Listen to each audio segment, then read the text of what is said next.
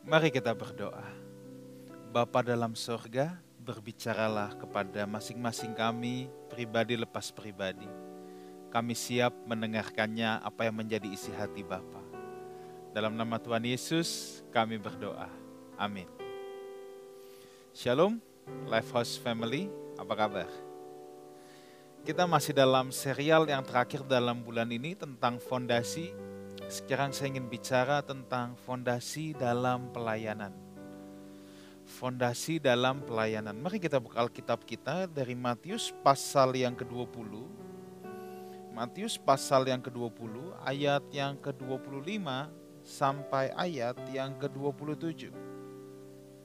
Matius 20 ayat 25 sampai yang ke-27.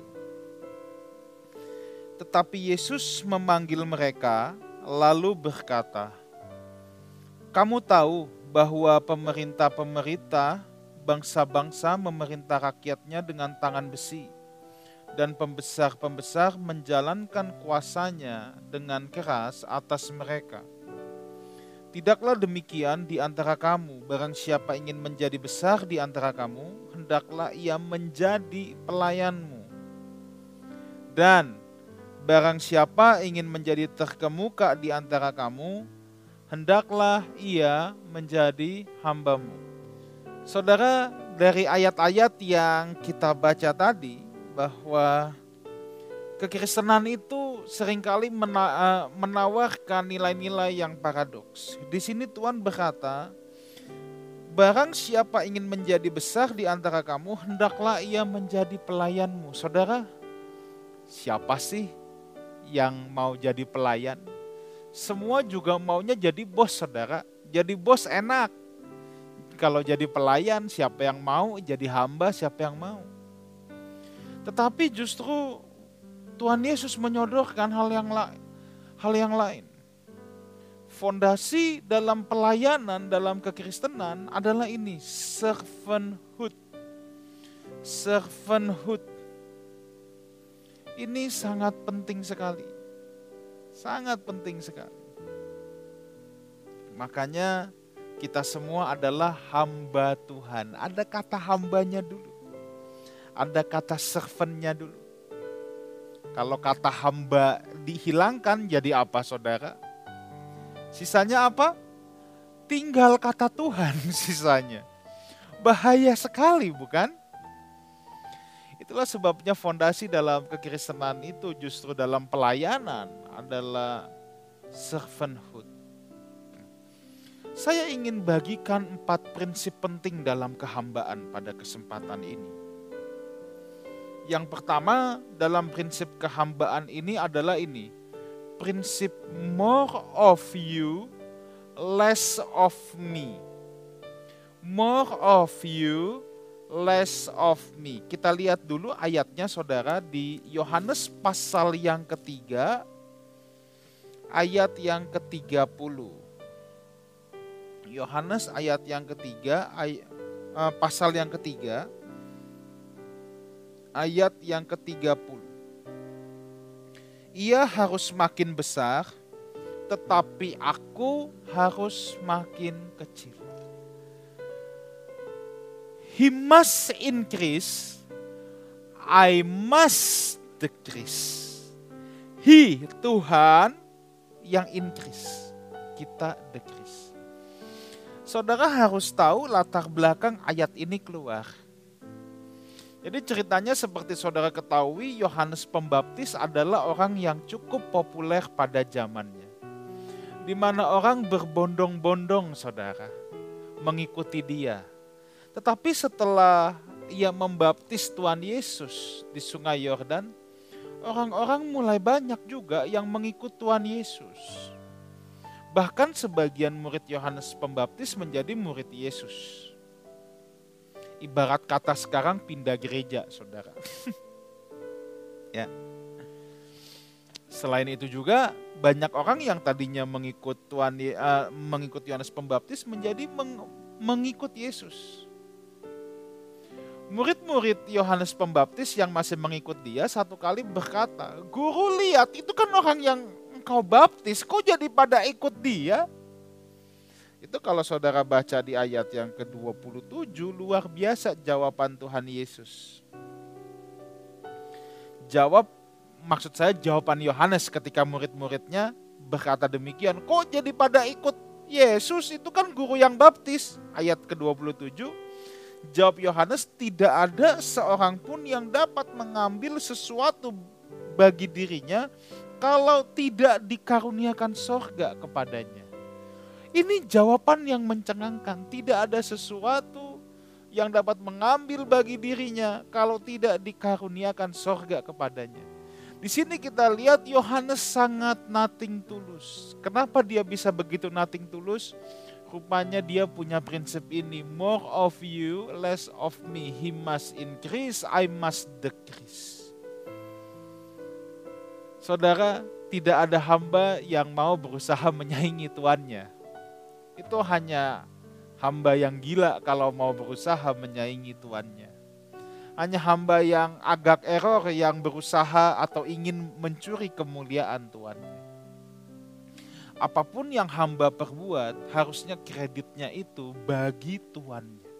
Apa pun yang hamba buat, kreditnya itu pujiannya, sanjungannya harusnya bagi Tuhan.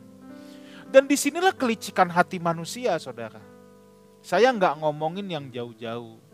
Saya omongin dulu diri saya sendiri. Sebagai hamba Tuhan, tentunya saya sangat pandai untuk bersembunyi di balik kata-kata demi kemuliaan nama Tuhan. Uh, saya sangat pandai dan bisa mengucapkan itu dan itu jurus jurus yang biasa digunakan bukan ya saya nggak mau ngomongin hamba Tuhan mana pun. Saya dulu deh. Dulu saya suka pakai jurus begitu untuk kemuliaan nama Tuhan. Tapi kalau kita mau jujur dari hati yang terdalam, kita mau ikut nyelip. Kita mau punya andil. Kita mau ada kredit di sana. Kita mau ikut disanjung. Kita mau ikut dipuji, saudara. Tanpa kita sadar kita mau nyempil bagi-bagi dong Tuhan kemuliaannya. Ini yang saya bertobat saudara. Ini sikap kurang ajar.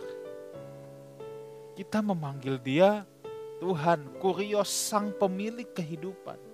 Dialah majikan kita yang agung. Kredit dan kemuliaan harusnya hanya untuk dia. Sehingga aku makin kecil, dia yang makin besar. Waktu kuliah dulu, saya kuliah sebaik-baiknya, saudara.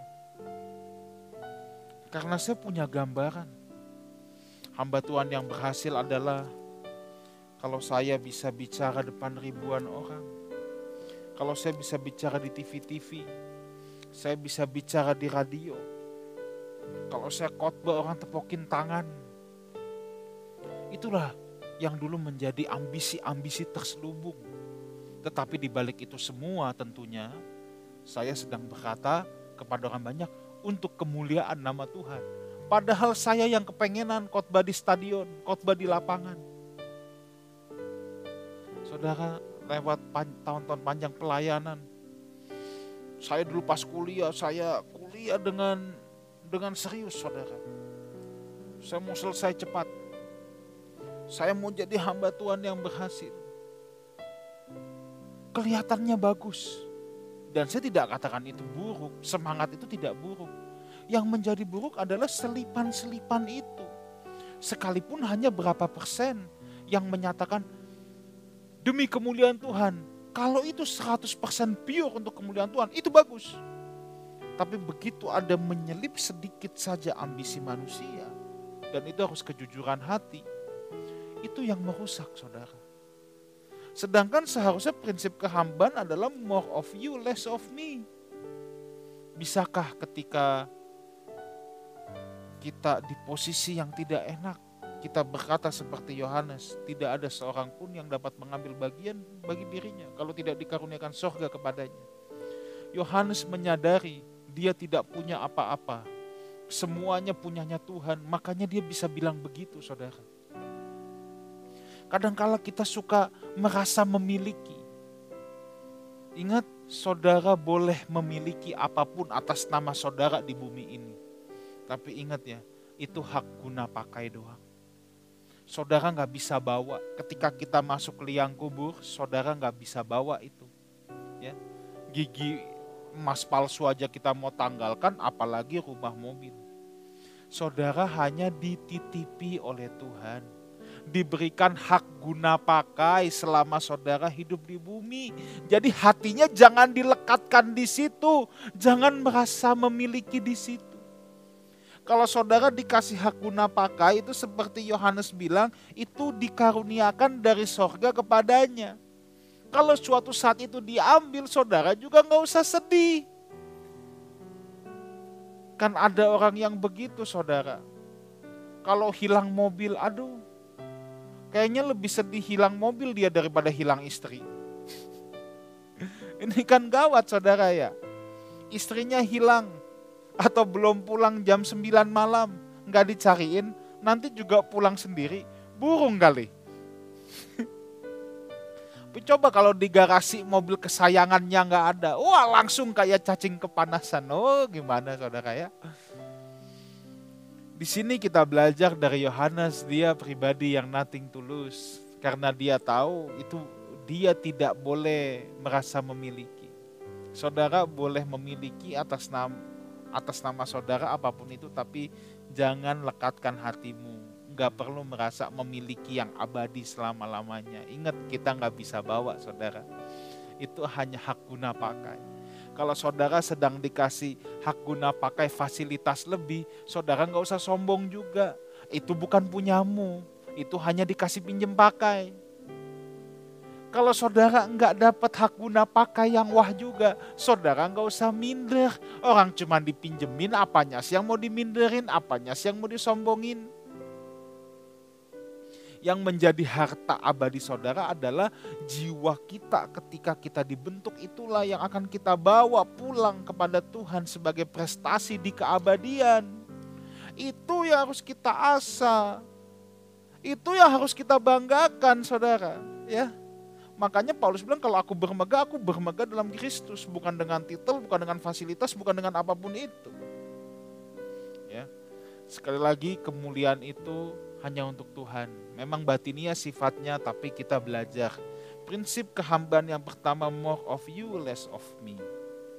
Prinsip servanthood yang kedua atau kehambaan yang kedua adalah ini. Prinsip ketersediaan. Prinsip ketersediaan. Sekali lagi saudara, prinsip ketersediaan. Catat ini baik-baik. Tuhan memakai apa yang ada pada kita bukan apa yang tidak ada pada kita. Tuhan memakai apa yang ada pada kita, bukan apa yang tidak ada pada kita. Kita lihat dulu keluaran 4 ayat 2 sampai 4 Saudara. Ini kisah pemanggilan Musa yang sangat terkenal. Keluaran 4 ayat 2 sampai 4. Ini dari ayat 1 ya saya bacanya deh. Lalu sahut Musa, bagaimana jika mereka tidak percaya kepadaku dan tidak mendengarkan perkataanku? Melainkan berkata Tuhan, tidak menampakkan diri kepadamu? Ayat 2, Tuhan berfirman kepadanya, Apakah yang di tanganmu itu? Tuhan gak bilang apa yang ada di tangan abangmu Harun. Tuhan gak tanya apa yang ada di tangan kakakmu yang perempuan Miriam. Ini kan si bungsu Musa. Tapi yang Tuhan tanya apa yang ada di tanganmu. Itu yang aku mau pakai. Musa bilang jawab Musa tongkat. Firman Tuhan lemparkanlah itu ke tanah dan ketika dilemparkannya ke tanah maka tongkat itu menjadi ular sehingga Musa lari meninggalkannya. Takut ya ada ular masa nggak takut tetapi firman Tuhan kepada Musa, ulurkanlah tanganmu dan peganglah ekornya. Musa mengulurkan tangannya, ditangkapnya ular itu, lalu menjadi tongkat di tangannya. Tuhan bertanya apa yang ada padamu sebab Tuhan mau memakai apa yang ada pada Musa bukan apa yang tidak ada pada Musa saudara Dan ketika Musa menyerahkan apa yang ada padanya, Tuhan bisa membuat apa yang ada padanya itu menjadi sesuatu yang menghidupkan. Nah, ini kan gambaran. Ya memang ini penafsiran saudara. Tapi saya rasa ini prinsip yang benar. Ketika kita menyerahkan apa yang ada pada kita untuk dipakai Tuhan, Tuhan bisa membuat itu menjadi sesuatu yang menghidupkan saudara.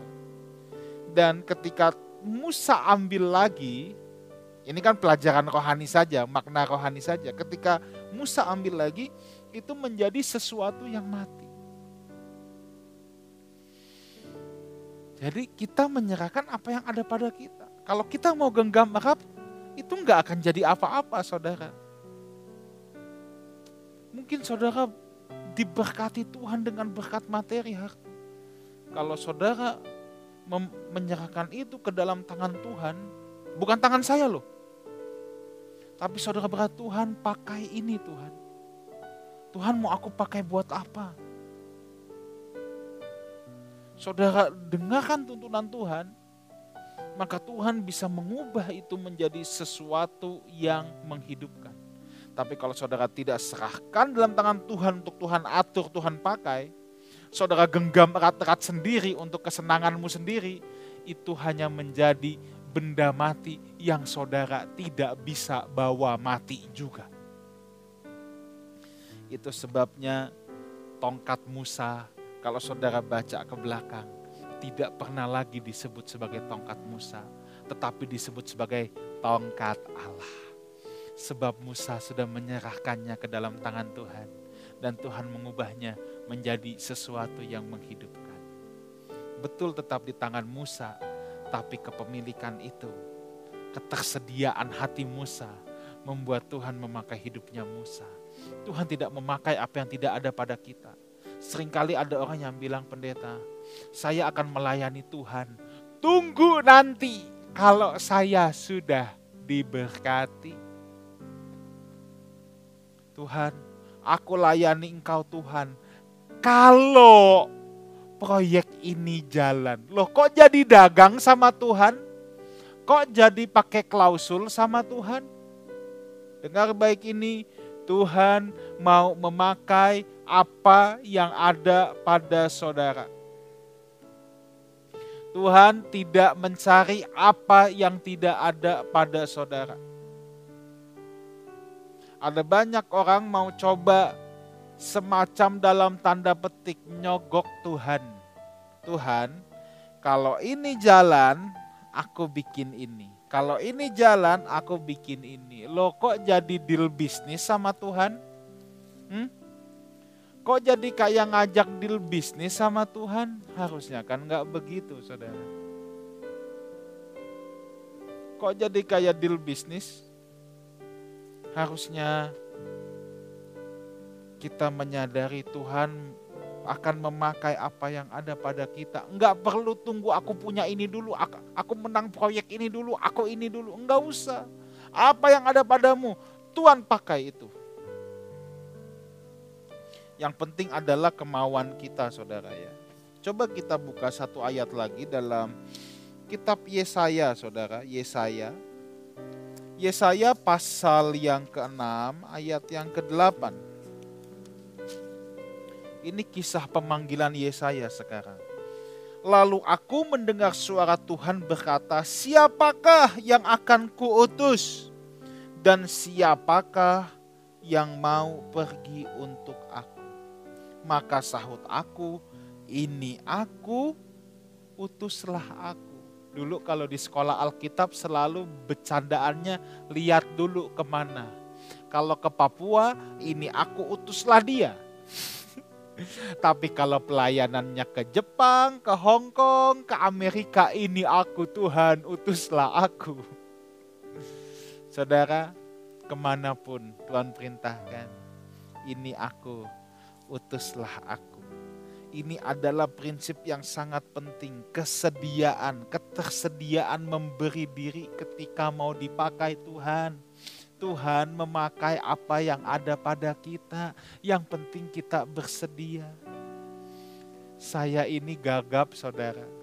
Dari kecil gagap. Tapi bagi saya, kalau Tuhan mau memakai lidah bibir saya, monggo Tuhan, silakan Tuhan. Saya hanya menyiapkan saja. Ini aku, pakai aku, utus aku Tuhan. Yang lain urusan belakang. Saya tidak perlu bicara tunggu Tuhan sampai aku lancar dulu baru Tuhan pakai. Ketika Tuhan minta saya serahkan. Dan sesuatu yang mati Tuhan bisa ubah jadi sesuatu yang menghidupkan. Buktinya pas tapping gini saudara menikmati saya tidak gagap kan? Saya juga nggak tahu kenapa saudara. Tapi saya yakin satu hal bahwa ketersediaan hati itu yang paling penting. Waktu saya baru bertobat dulu ada satu buku yang ditulis oleh Cheryl Ingram. Bila Allah memanggil, ia mengurapi. Ia yang menyediakan resources saya diberkati saudara. Dengan segala kelemahan saya, bila Allah memanggil ia yang mengurapi. Kalau saya sampai AAUU, AAUU depan kamera, ya, yaitu urusan Tuhan. Orang Tuhan yang manggil saya, kok Tuhan yang suruh saya bicara. Tapi Tuhan tidak pernah mempermalukan saya, saudara. Yang penting saya menyediakan diri saya untuk Tuhan ini aku, pakai aku Tuhan. Dan saya belajar Tuhan yang memberikan resources. Tuhan yang menyediakan resources. Ketika saya pernah menerima nubuatan untuk pelayanan di bangsa-bangsa, dulu saya juga, ah ini orang gagap, nggak orang gagap nggak punya apa-apa, pelayanan bangsa-bangsa, bangsa apa yang mau dilayanin? Tapi di situ saya belajar ya Tuhan yang menyediakan resourcesnya. Ada seorang pengusaha yang diberkati Tuhan yang mensponsori saya untuk ambil S2 di Australia. Dan Tuhan menggenapi apa yang pernah dinubuatkan. Tuhan kirim saya ke berbagai negara untuk melakukan pelayanan. Dan bagi saya semuanya itu anugerah. Dan saya harus menjaga hati saya untuk tidak boleh yang pertama tadi ingin menyelipkan kemuliaan, mau take credit di situ, itu sangat berbahaya. Saya harus menjaga hati saya dalam hal ini. Yuk kita belajar dalam hal ini. Yang pertama tadi more of you, less of me. Yang kedua, kita bersedia, kita memberikan diri kita digunakan oleh majikan kita. Kan Tuhan itu kurios. Kita hamba, hamba itu tugasnya cuma memberi diri, ini aku, pakai aku, utus aku terserah bos, bos mau ke mana aku ikut. Kan gitu. Prinsip yang ketiga, namanya ini prinsip kesiapan. Tadi ketersediaan, yang ketiga kesiapan. Kalau tadi ketersediaan Tuhan memakai apa yang ada pada kita. Bukan apa yang tidak ada pada kita. Prinsip kesiapan bunyinya gini. Tuhan memberkati orang yang siap diberkati. Tuhan mengurapi orang yang siap diurapi. Nah, ini prinsip kesiapan saudara. Step awal kita memang memberi diri kita untuk dipakai. Step yang kedua, kita harus mempersiapkan diri kita untuk dipakai.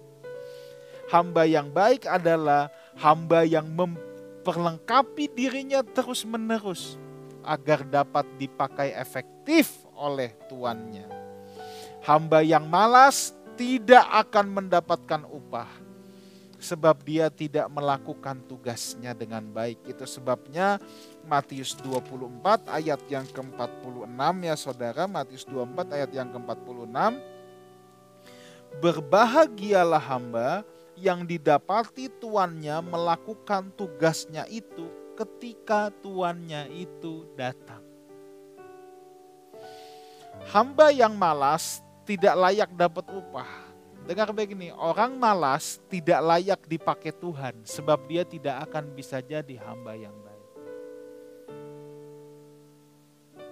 Itu sebabnya dulu ketika saya sekolah Alkitab, saya mau belajar sungguh-sungguh.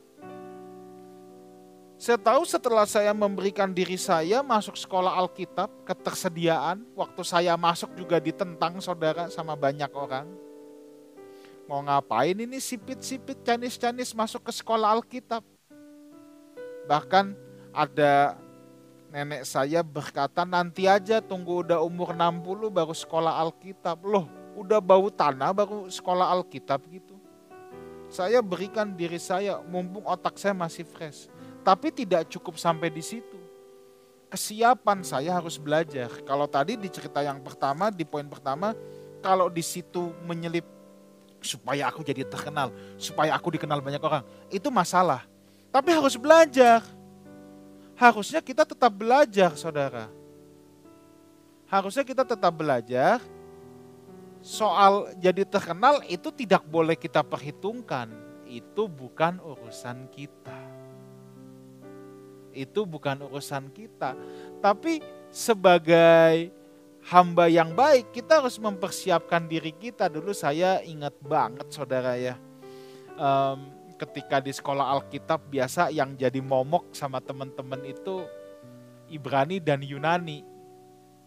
Ya adalah teman-teman yang males yang yang nggak mau belajar, tapi rajin duduk di tangga sambil genjreng gitar. Ku mau cinta Yesus selamanya. Wah oleh padekan pada saat itu yang kayak gitu suka disemprot saudara. Kamu nyanyi, ku mau cinta Yesus, ku mau cinta Yesus. Kalau kamu cinta Yesus, belajar Yunani, belajar Ibrani. Saya pikir benar juga ya. Banyak orang cuma ngomong cinta Yesus ini aku, pakai aku, utus aku. Tapi dia tidak mau memberikan dirinya untuk dipakai oleh Tuhan. Dia tidak mau dirinya dipersiapkan untuk dipakai oleh Tuhan, saudara. Sementara Tuhan itu tertib. Coba saudara lihat dari perjanjian baru siapa yang nulis paling banyak? Paulus. Kenapa? Paulus yang paling punya kapasitas. Paulus punya kapabilitas, saudara. Makanya yang dikasih kepercayaan paling banyak itu Paulus, bukan yang lain. Kalau Petrus, oh enggak, dia nulis satu pun enggak, enggak boleh nulis. Intelektualnya kurang. Maaf ya Om Petrus. Tapi ya memang begitu, surat 1 Petrus, 2 Petrus pun asistennya yang nulis. Secara tata gramatika Yunani sangat bagus, enggak mungkin itu ditulis oleh Petrus sendiri saudara. Itu sebabnya Tuhan sangat tertib. Kalau saudara mempersiapkan diri saudara dipakai oleh Tuhan dengan sungguh-sungguh saudara. Itu akan menjadi luar biasa. Kalau prinsip yang kedua tadi prinsip ketersediaan masalah hati. Prinsip ketiga masalah ini otak. Ini nggak bisa mistis. Makanya berubahlah oleh pembaharuan budimu otak. Change your mind, change your heart ini harus bergerak seimbang antara pikiran dan hati. Punya hati nggak cukup, harus cerdas. Punya otak kalau nggak punya hati juga jadi bengis, jadi kejam. Makanya tadi prinsip ketersediaan. Habis ketersediaan apa? Prinsip kesiapan. Dua-duanya harus berjalan supaya kita efektif dipakai Tuhan nggak bisa cuma salah satu, nanti nggak seimbang, nanti berat sebelah. Saudaraku, yuk kita siapkan diri kita. Percayalah, kondektur bisa dipakai Tuhan. Kalau direktur lebih efektif. Ya. Kalau saudara mimpin perusahaan, perusahaan itu uh, punya 30, 50 karyawan, 50 karyawan itu ada yang punya istri, ada yang punya anak-anak. Berapa banyak orang yang saudara bisa berkati? Tugas kita adalah mempersiapkan diri kita, saudara. Persiapkan diri kita. Kita tidak bisa mistis. Yang penting nanti Tuhan pakai. Lo nggak bisa. Saya tahu saya harus belajar, saya harus investasi waktu saya, saya harus menggali Alkitab, saya, saya harus baca buku. Kenapa? Sebab ketika saya berbicara, nanti roh kudus yang akan menolong. Roh kudus mengingatkan, bring back apa yang sudah saya pelajari. Karena saya sudah siap. Kalau otak saya kosong, apa yang mau diingatkan? Gak ada, saudara. Nggak ada. Itu sebabnya setelah ketersediaan kesiapan. Yang keempat yang terakhir dalam servanthood ini adalah prinsip kerendahan hati. Prinsip kerendahan hati. Dengan cepat saja Filipi pasal yang kedua. Filipi ayat yang kedua dari ayat yang sorry Filipi pasal yang kedua maksud saya mulai dari ayat yang ketiga dengan tidak mencari kepentingan sendiri atau pujian yang sia-sia, sebaliknya hendaklah dengan rendah hati yang seorang menganggap yang lain lebih utama daripada dirinya sendiri. Ayat keempat, dan janganlah tiap-tiap orang hanya memperhatikan kepentingannya sendiri, tetapi kepentingan orang lain juga. Lihat, berusaha menempatkan orang lain di atas dirinya sendiri. Hendaklah kamu dalam hidupmu bersama menaruh pikiran dan perasaan yang terdapat juga dalam Kristus Yesus. Kita kan selalu bilang mau mencontoh Tuhan Yesus. Ini yang Alkitab ajarkan. Yang walaupun dalam rupa Allah tidak menganggap kesetaraan dengan Allah itu sebagai milik yang harus dipertahankan melainkan telah mengosongkan dirinya sendiri dan mengambil rupa seorang hamba dan menjadi sama dengan manusia. Dan dalam keadaan sebagai manusia, ia merendahkan dirinya dan taat sampai mati, bahkan mati di atas kayu salib. Tuhan Yesus mempraktekkan merendahkan diri itu bagaimana, rendah hati gimana. Orang dunia rendah diri karena minder. Kalau kekristenan, ya itu bukan rendah diri, tapi merendahkan diri. Merendahkan diri. Bukan karena minder, tapi karena kita mau melayani orang lain. Kita tidak bisa jadi hamba, hamba itu dulos, salah satu artinya juga keset. Kita tidak bisa melayani, kalau kita tidak menaruh diri kita di posisi yang bawah, supaya orang bisa menikmati hidup kita. Kenapa kita harus meletakkan diri kita di bawah? Supaya kita bisa melayani, mengikuti teladan Tuhan Yesus yang merendahkan diri. Tuhan Yesus yang jauh tinggi di sorga sana. Kalau dia tetap di atas, tidak ada orang yang bisa menggapainya. Itulah sebabnya dia merendahkan dirinya turun ke dunia supaya dia bisa menjadi tebusan, supaya dia bisa melayani dunia ini. Ketika kita mau melayani generasi ini, ketika kita mau melayani kota kita, ketika kita mau melayani keluarga kita, ketika kita mau melayani gereja Tuhan, kita mau melayani bangsa kita, kita harus merendahkan diri kita supaya hidup kita bisa dinikmati banyak orang, supaya hidup kita bisa jadi berkat bagi banyak orang. Saudaraku, inilah teladan Tuhan Yesus. Apa sih merendahkan diri? Diri di sini, tetapi ditaruh dirinya di bawah. Posisinya di sini, ditaruh di bawah.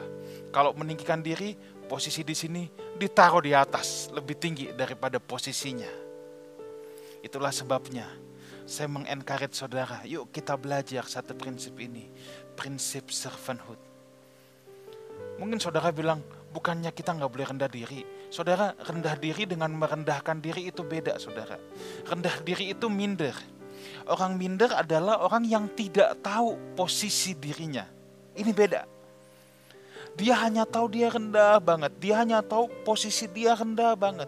Sedangkan merendahkan diri adalah dia secara sengaja meletakkan dirinya di bawah posisi yang seharusnya. Dia tahu posisinya, tetapi dia taruh di bawah dengan tujuan supaya bisa melayani. Jadi beda saudara ya antara rendah diri dengan merendahkan diri. Yang kita harus teladani dari Tuhan Yesus adalah merendahkan diri, merendahkan diri. Itulah sebabnya Lukas 1 ayat 52 saya akan tutup dengan ini. Ia menurunkan orang-orang yang berkuasa dari tahtanya dan meninggikan orang-orang yang rendah tapeinos siapa yang meletakkan dirinya di bawah mengamalkan hukum kehambaan ini ia yang akan ditinggikan oleh Tuhan. Itulah sebabnya dalam prinsip servanthood ini, kalau kita mau dipakai Tuhan, kita harus punya empat prinsip ini saudara. Yang pertama, more of you, less of me. Yang kedua, prinsip ketersediaan. Yang ketiga, prinsip kesiapan. Dan yang keempat, prinsip kehambaan. Kiranya Tuhan memberkati kita semua. Haleluya, mari kita berdoa. Bapa dalam sorga, kami mengucap syukur untuk kebenaran firman-Mu pada siang hari ini. Aku berdoa supaya rohmu yang kudus mengajar lebih lanjut apa yang menjadi isi hati Bapa. Terima kasih Tuhan. Sekarang angkatlah kedua belah tanganmu dan terimalah berkat Tuhan. Kiranya Tuhan memberkati saudara. Tuhan memberkati usahamu. Tuhan memberkati keluar masukmu. Apa pun yang engkau kerjakan diberkati Tuhan. Sebab engkau kerjakan itu untuk kepentingan Tuhan. Kiranya Tuhan sendiri yang menyinari kita semua dengan wajahnya yang penuh dengan kemuliaannya. Dan berkat dari Allah Bapa, cinta kasih kasih karunia dari Tuhan kita Yesus Kristus, dan persekutuan yang indah dan yang manis dari Roh Kudus menyertai kita semua sampai Maranatha.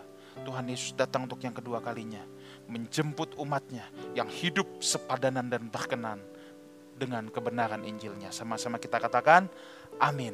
Happy Sunday, Tuhan memberkati.